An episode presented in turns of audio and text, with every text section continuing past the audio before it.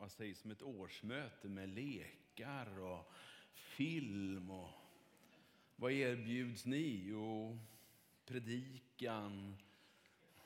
Ja, så mycket lek blir det inte, det var erkänna.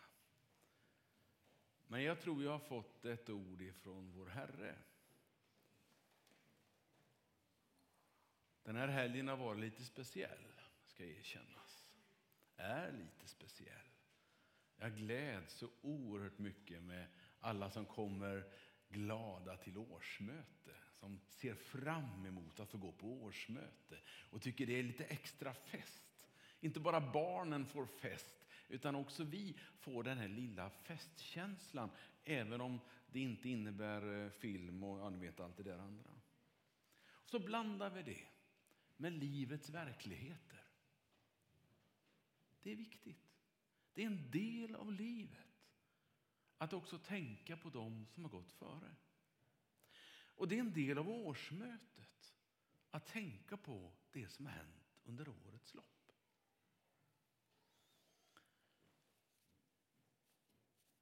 När jag insåg vad den här helgen skulle innebära av förkunnelsetillfällen. Jag började i förrgår med att vara hemma i min hemförsamling och predika på deras 75-årsjubileum på dagen 75 år sedan eh, församlingen bildades. Och att se fram emot det här eh, nöjet och glädjen att få predika på årsmötet här. Och sen förbereda begravningen nu på tisdag så tänkte jag, gode Gud, nu måste du hjälpa mig. Jag är inte den som är ute i god tid alla gånger, men nu måste jag. Och så fick jag det här självklara, tre orden som jag kommer att predika om idag. Den här texten som finns där i första Korinthierbrevet 13 och som bara lyser, som vi läser ibland och som vi tar till oss ibland och ibland så bara den passerar. Idag skulle jag önska att den fick stanna en stund i ditt hjärta. Det sägs att det här kapitlet, första Korinthierbrevets kapitel 13, det är det vackraste som har skrivits om kärlek, alla kategorier, på alla språk, i alla kulturer, någonsin. Så har du inte läst det förut så ska det bli ett nöje för mig att få läsa det för dig alldeles strax. Det nämns ofta vid vigslar då kärleken naturligt är på tapeten.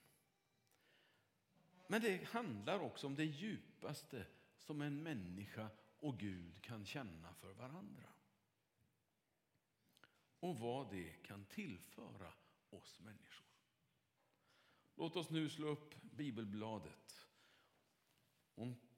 Ni ska få texten på väggen så ni kan följa med. Första Korinthierbrevet kapitel 13. Och egentligen så är det bara avslutning som jag tänker att predika om. Men det går inte att läsa bara det. Så jag läser hela kapitlet. Om jag talar både människors och änglars språk men saknar kärlek är jag bara ekande brons, en skrällande symbol. Och om jag har profetisk gåva och känner alla hemligheter, har all kunskapen, om jag har all tro så jag kan förflytta berg men saknar kärlek, säger jag ingenting. Om jag delar ut allt jag äger och om jag låter bränna mig på bål men saknar kärlek har jag ingenting vunnit. Kärleken, den är tålmodig och god. Kärleken, den är inte stridslysten, inte skrytsam, inte uppblåst. Den är inte utmanande, inte självisk. Den brusar inte upp. Den vill ingen något ont. Den finner inte glädje i orätten, men gläds med sanningen. Allt bär den, allt tror den, allt hoppas den, allt uthärdar den. Kärleken upphör aldrig. Det profetiska gåvan, den ska förgå. Tungotalet, det ska tystna. Kunskapen, ja, den ska förgå. Ty vår kunskap är begränsad och den profetiska gåvan är begränsad. Men när det fullkomliga kommer ska det begränsade gå. När jag var barn talade jag som ett barn, förstod som ett barn och tänkte som ett barn. Men sedan jag blev vuxen har jag lagt bort det barnsliga. Ännu ser vi en gåtfull spegelbild. Då ska vi se ansikte mot ansikte. Ännu är min kunskap begränsad. Då ska den bli fullständig som Guds kunskap om mig. Men nu består tro, hopp och kärlek. Dessa tre, och störst av dem, är kärleken. Amen. Herre, välsigna nu ditt ord. Välsigna nu ditt eget ord. Att vi får ta till oss det och att det får rum i våra hjärtan. Jag ber för ditt namns skull. Amen. Amen. Ja, man kan inte läsa de här verserna tillräckligt bra. Man blir lika tagen av verserna varje gång man läser dem. Jag vet inte hur du känner som lyssnar. Men jag blir... Det kommer miljoner tankar, jag, jag tror det, genom huvudet på en gång. Lite grann för varje rad jag läser. Ja, det här stämmer på dig, Bengt. Nej, det här stämmer inte. Det här behöver du bli bättre på. Det, det här är jag och det här vill jag vara. Och så rusar tankarna igenom. Bara av några små versar som är så väl formulerade om ditt och mitt liv och vår relation till den himmelske guden. Låt mig ändå få ta de här tre nu då och börja med tro. Tro är ju ett så centralt uttryck i vår bibel. Det är ju ingenting som bara vi har hittat på oss, utan det är någonting som Gud har planterat in i vårt sätt att vara. Vi behöver någonting att tro på. Ja, men säger du jag är ateist, ja, men det är helt okej, okay. men då tror du väl på det då? För tror du jag tänker då? Jag menar inte att alla måste tro på samma sätt som jag gör. Det är väldigt få som gör, kan tala om. Men, men, vi har ju alltid eh, någon liten variant av tron, finns ju där. Och du har din och jag har min. Men det är inte så att var och en blir salig på sin tro. Nej, så är det inte. Inte om Bibeln får, får vara rättesnöret och, och den jag läser ur och, och funderar kring. För Bibeln säger att det handlar om tron på Jesus Kristus. Då kan du tala om en salighet, om du nu vill använda det uttrycket. Grunden till den här tron, det är det som Gud har skrivit ner i sitt ord och det han har gjort. För Gud insåg att det hjälper inte med att skicka tio budord som han gjorde med Mose. Det står ju om att Gud skrev ner med sitt finger. Det skulle jag vilja sett. Jag skulle vilja sett Guds handstil. Det står att han skrev ner med sitt finger de tio budorden. Och sen när Mose tog de här stentavlorna, jag vet inte om, han hade, om det var jobbigt, han var ju inte ung längre, eh, den gode Mose. Så bar han dem ner för berget där. Och när han kommer ner så får han se vad folk har ställt till med och det var ingen kul syn. Och då drämmer han stentavlorna i backen så fliserna yr. Jaha, så var det med Guds handstil. Det fick man inte se, ingen mer än Mose. Men han fick trava upp på berget igen, men nu fick han sitta och knacka ner det där själv. Gud har gett oss tio budord. Men han insåg snart att det hjälper inte. Jag måste få den här texten, jag måste få det här innehållet som jag vill ge människor i deras hjärta. Och därför så har han gett oss sitt ord så här, så att du och jag kan ta till oss det. Och så har han gett oss det på ett sådant sätt så att det inte bara blir text på en rad utan det kan bli text i ditt liv. Det är det tron handlar om. Före Jesus så var tron någonting som man skulle göra och leva enligt de tio budorden och den lagen som man fick. Och i vårt samhälle så tror vi ibland att det där var en börda att bära. Nej, talar du med juden så säger han det är en glädje att bära Guds ord. Det är en glädje att få läsa Guds ord. Det är en glädje att få göra som Gud har sagt. Det är ingen börda. Jag vet inte var det där kommer ifrån. Men någonstans har vi väl tyckt att det låter som en börda och det låter som jobbigt. Men inte för den som tror. Efter Jesus, ja då kommer ett ja till det ordet. Ett ja till honom som är ordet. Som är liksom Guds sätt att ta sitt liv in i vår situation.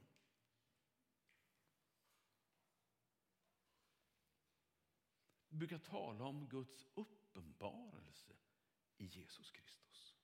För han är. Har du inte läst förut Johannes starten på sitt evangelium, kallas för Johannesprologen, ska du göra det. För det handlar precis om att Gud ville bli en del av dig och mig. Så han gav oss Jesus Kristus. Och Jesus Kristus, han är Guds ord till oss i levande form. Det räckte inte med ord och bokstäver. Jag har läst mycket i min dag, ska du veta. Jag har massor av böcker. Jag har gett bort massor av böcker. För jag orkar inte flytta dem från Vallentuna och till Tibro. Vi gav bort dem hejvilt, eller jag gav bort dem. Eh, kanske några av min hustrus böcker också. Men de flesta hade jag köpt och läst. Men att få ordets, ordens mening, ton, implanterad i mitt hjärta.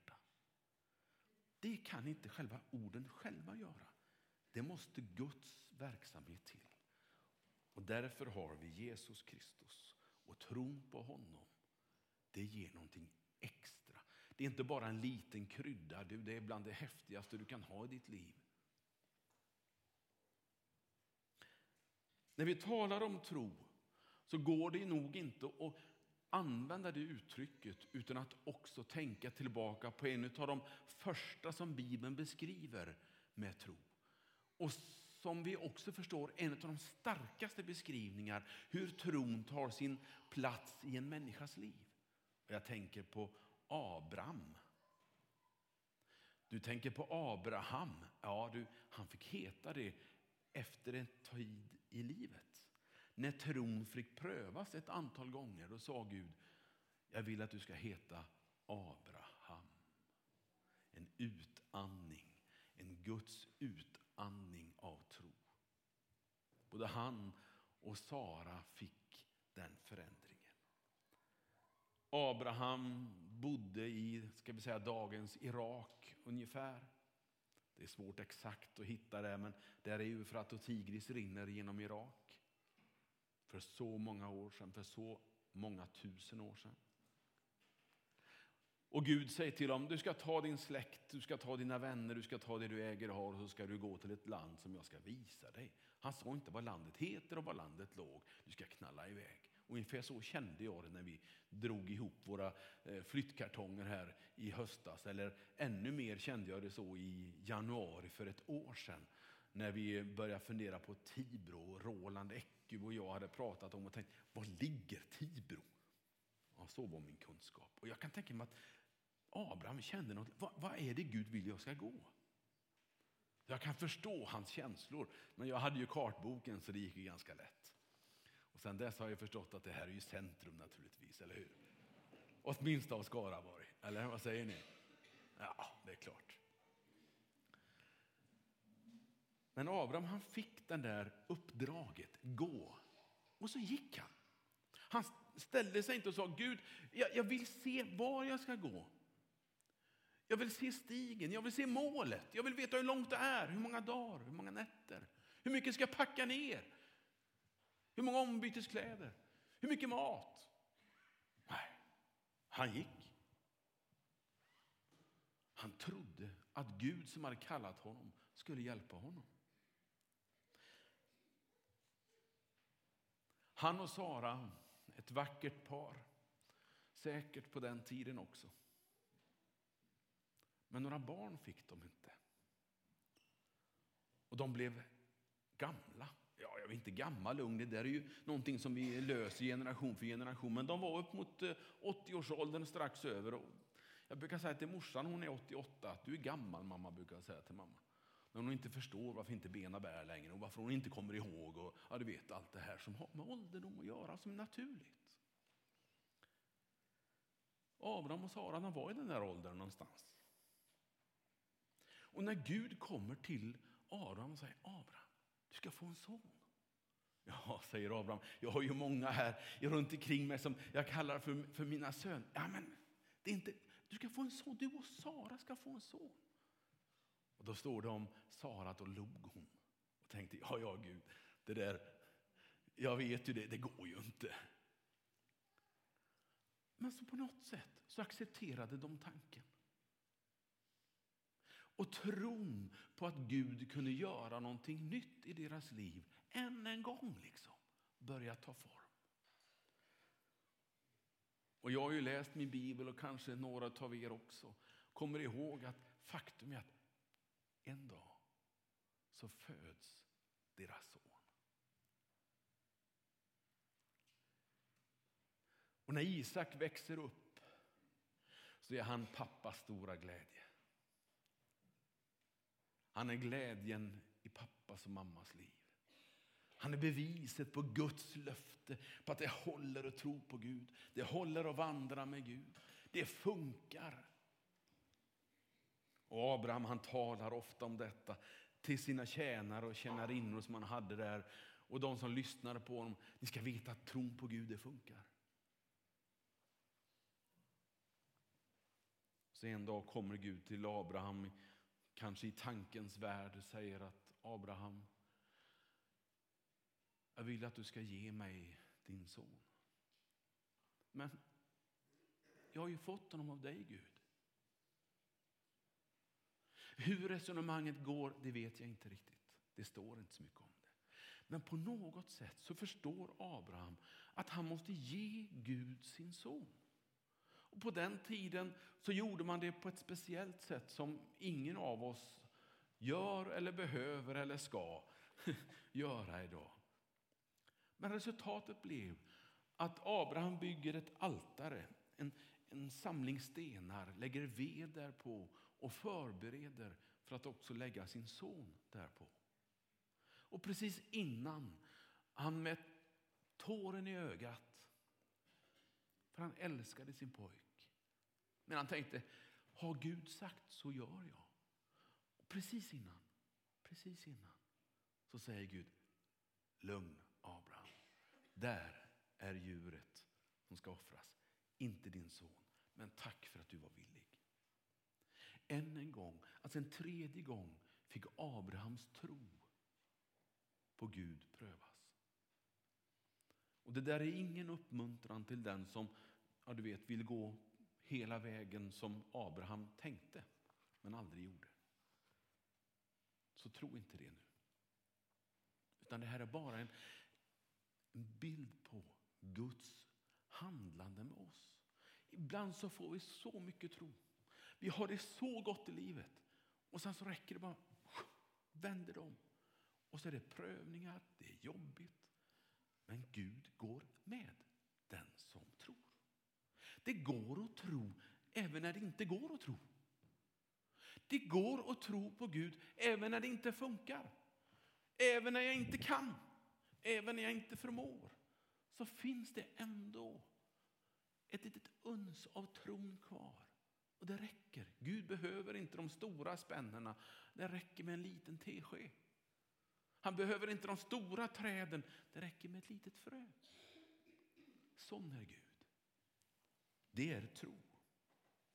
Det handlar mycket mer om vad Jesus har gjort än vad jag kan göra och vad jag vill göra och vad jag bör göra. Ja, hörni, tiden bara rasslar iväg. Nu måste vi över till hoppet också. När Paulus skrev ner det här, nu är vi tillbaka till Paulus igen, nu lämnar vi Abraham för idag. när Paulus skrev ner det här så var hopp det var inget positivt i hans samtid. Det fanns inget, ingen positiv koppling till ordet hopp. Och Jag har funderat mycket på det där. Hur i all hur kan man ha hopp som inte har en positiv koppling? Jag har inte fått något riktigt svar faktiskt. Men för Paulus samtida i Israel, för juden, så var hoppet i Israel tydligt förknippat till Gud. Det var till Herren man satte sitt hopp. Det var till Herren man satte sitt hopp om en Messias som skulle rädda dem undan nöden. Det var till Herren som hoppet fanns och knutet. I Nya testamentet så är hoppet ibland förankrat till himlen. Uppståndelsen och det eviga livet. Det är också ett levande hopp. Verksamt och knutet till just Jesus Kristus. Så mitt hopp på det sättet, det är inte beroende av hur jag gör, utan på vem jag tror. Var jag liksom lägger min... Jag vet inte hur många av er som har kastat ankarna en gång. Har ni gjort det? Nej, det är ingen som har båt här. Ja, det är bra Patrik. Du och jag vi har kastat ankarna en gång. Ja, jag vet att det är fler av er, men ni är lite sådär, törs inte. Ni vet, man sitter och tänker. Ja. Jag var ju med när, när vi skulle lägga till en gång med en kobbe ute på västkusten. Och orden från kapten, ja det var ju någon som var kapten och, och styrde och ställde. Sa kasta ankar och han kastade ankar och iväg for tamp och alltihopa. Så fick vi dyka efter det sen. Men, men eh, det är viktigt att man släpper i ankaret innan man kommer in till land så man har någonting och båten kan få ligga lite grann emellan. Va? Annars ligger den ju slår på land. Eller också når man inte land om man slänger i ankaret för tidigt. Och jag tror att mitt ankare i tron, det liksom ligger lite, lite bortanför det jag når. Det ligger inne i himlen på något sätt. Där har jag mitt ankare. I tron, där finns mitt ankare. Jag kan inte riktigt flytta på jag kan liksom inte riktigt, ja du vet, eh, hantera det på det sättet. Men det är så gott att ha det där ankaret. När det blåser riktigt ordentligt, då vill det till att man har ankaret på rätt ställe och på rätt sätt. En god förankring är det många som har ångrat när båten förliser mot klipporna. Och jag skulle önska att du hade en god förankring. Att ditt hopp var förankrat i tron på Jesus Kristus. Ett hopp utan den verkligheten blir lätt en besvikelse. Och så det tredje. Kärleken. Kärleken. Den här underbara känslan. Eller hur? Alltså jag kommer ihåg den där första eh, förälskelsen och kärleken. Den var ju lite häftig. Men min kärlek till min hustru, den är otroligt mycket större. Den är ju, den bubblar ju hela tiden känns det som. Gång på gång. Så ler jag bara jag ser henne. Det blir varm i hjärtat bara hon kommer i närheten av mig. Och då är det väl, vad är det, 38 år sedan i höst? Eller vad är det? 39? Ja, någonting. Nästan 40 säger vi då. Det är häftigt med kärlek.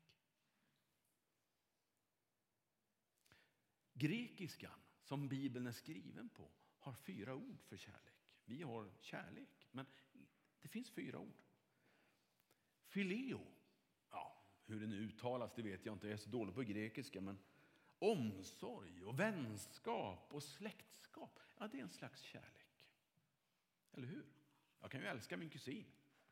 Jag tycker ju om dem, jag värnar om dem. Jag älskar ju mitt barnbarn.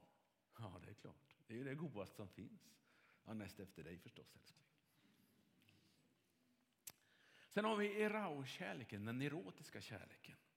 Lidelsen och sensualiteten och alltihopa det här. Och det förknippar jag med min hustru också naturligtvis. Men sen finns det en kärlek som, som kallas för stergo på eh, grekiska, som handlar om föräldrarna och barnen. Den här kärleken som jag har till, till min, min son, min dotter. Som gör att de kan nästan göra vad som helst. De kan nästan säga vad som helst. De kan nästan uttrycka sig hur som helst. Min kärlek förändras inte ändå. Jag vet att alla inte, alltså alla gånger, alla tillfällen så funkar inte allt det jag säger. Jag vet jag är medveten om det. Men låt mig få dra den positiva delen i alla fall. Är det okej? Okay? För ni vet ju lika bra som jag att det, ibland så blir det konstigt och knapert och det blir, ja, det blir inte rätt. Jag är medveten om det. Jag lever inte uppe i de här blå molnen, utan jag är ganska så jordnära. Men när jag talar om kärlek så vill jag tala om den positiva delen. Det kan också vara den kärleken som borde finnas mellan regenten och folket. Det är samma kärlek som mellan föräldrarna och barnen. Åtminstone på grekiska. Jag vet inte om våran regent och våran eh, statsskick känner samma sak till folket som jag känner till mina, mina barn. Jag kommenterar inte det vidare. Det här är ingen karaktär hos Gud. Det här är ingen del av Gud. Det här är inte en, en sida av Gud. Kärleken är Gud. Eller Gud är kärleken. Det står i första Johannesbrevet, ett av de mindre breven i slutet av vår bibel. Gud är kärlek. Han uttrycker det så tydligt, Johannes. Kärlek, det är ju inte bara massa känslor. Det kanske mest är vilja och handling. Det kanske mest är det där vi gör än det vi känner. Att omfattas av kärleken,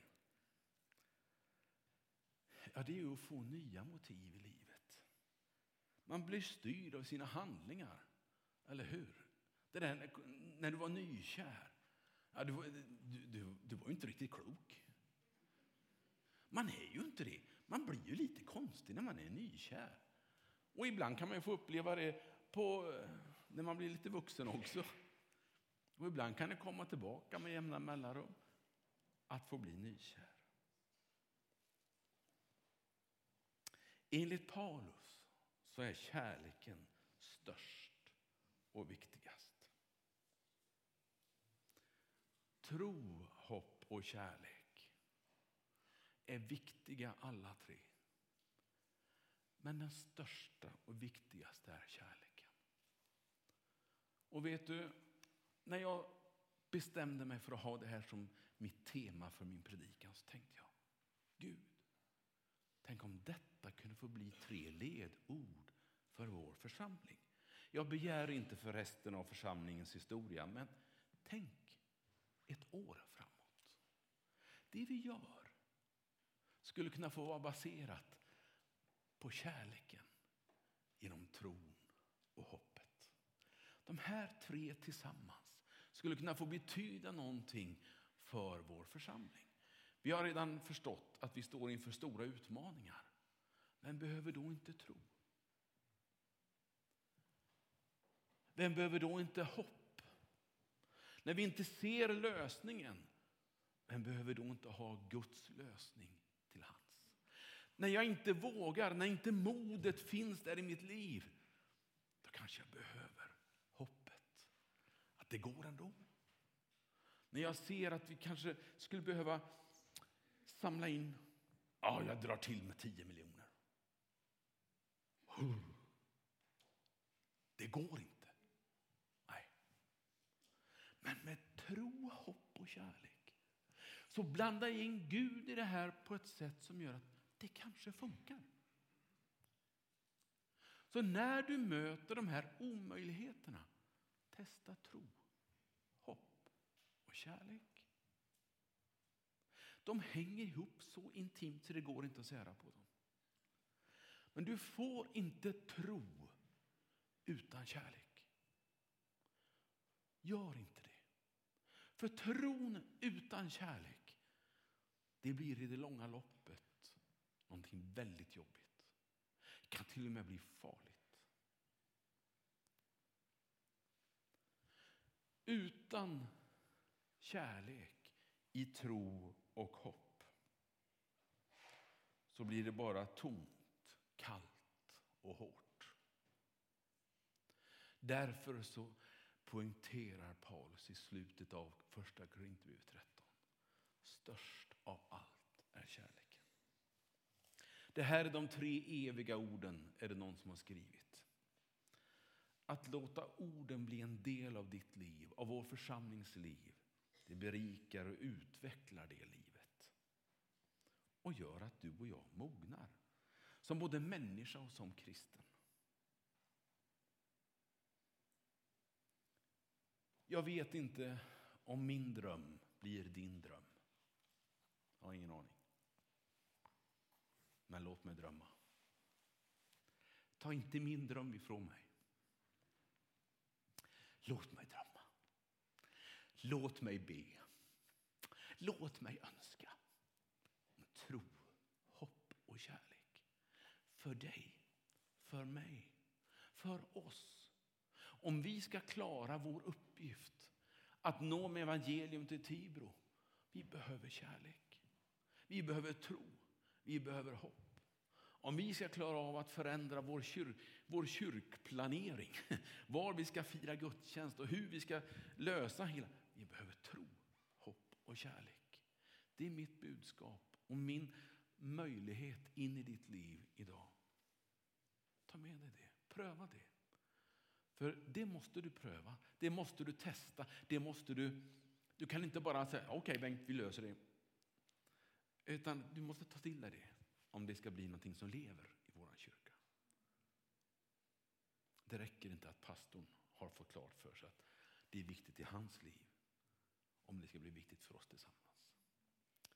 Herre är kär, jag vet, jag vet Herre att det här är både lätt och svårt på samma gång. På ett sätt är det lätt att tala om det, men Herre att praktisera, att älska varandra även när det är jobbigt.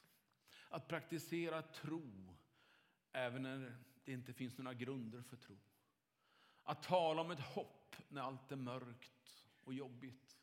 Herre, det är bara du genom den heliga Ande som kan ge oss tro, hopp och kärlek på ett sätt som förvandlar en människa, som förvandlar en församling, som förvandlar vårt.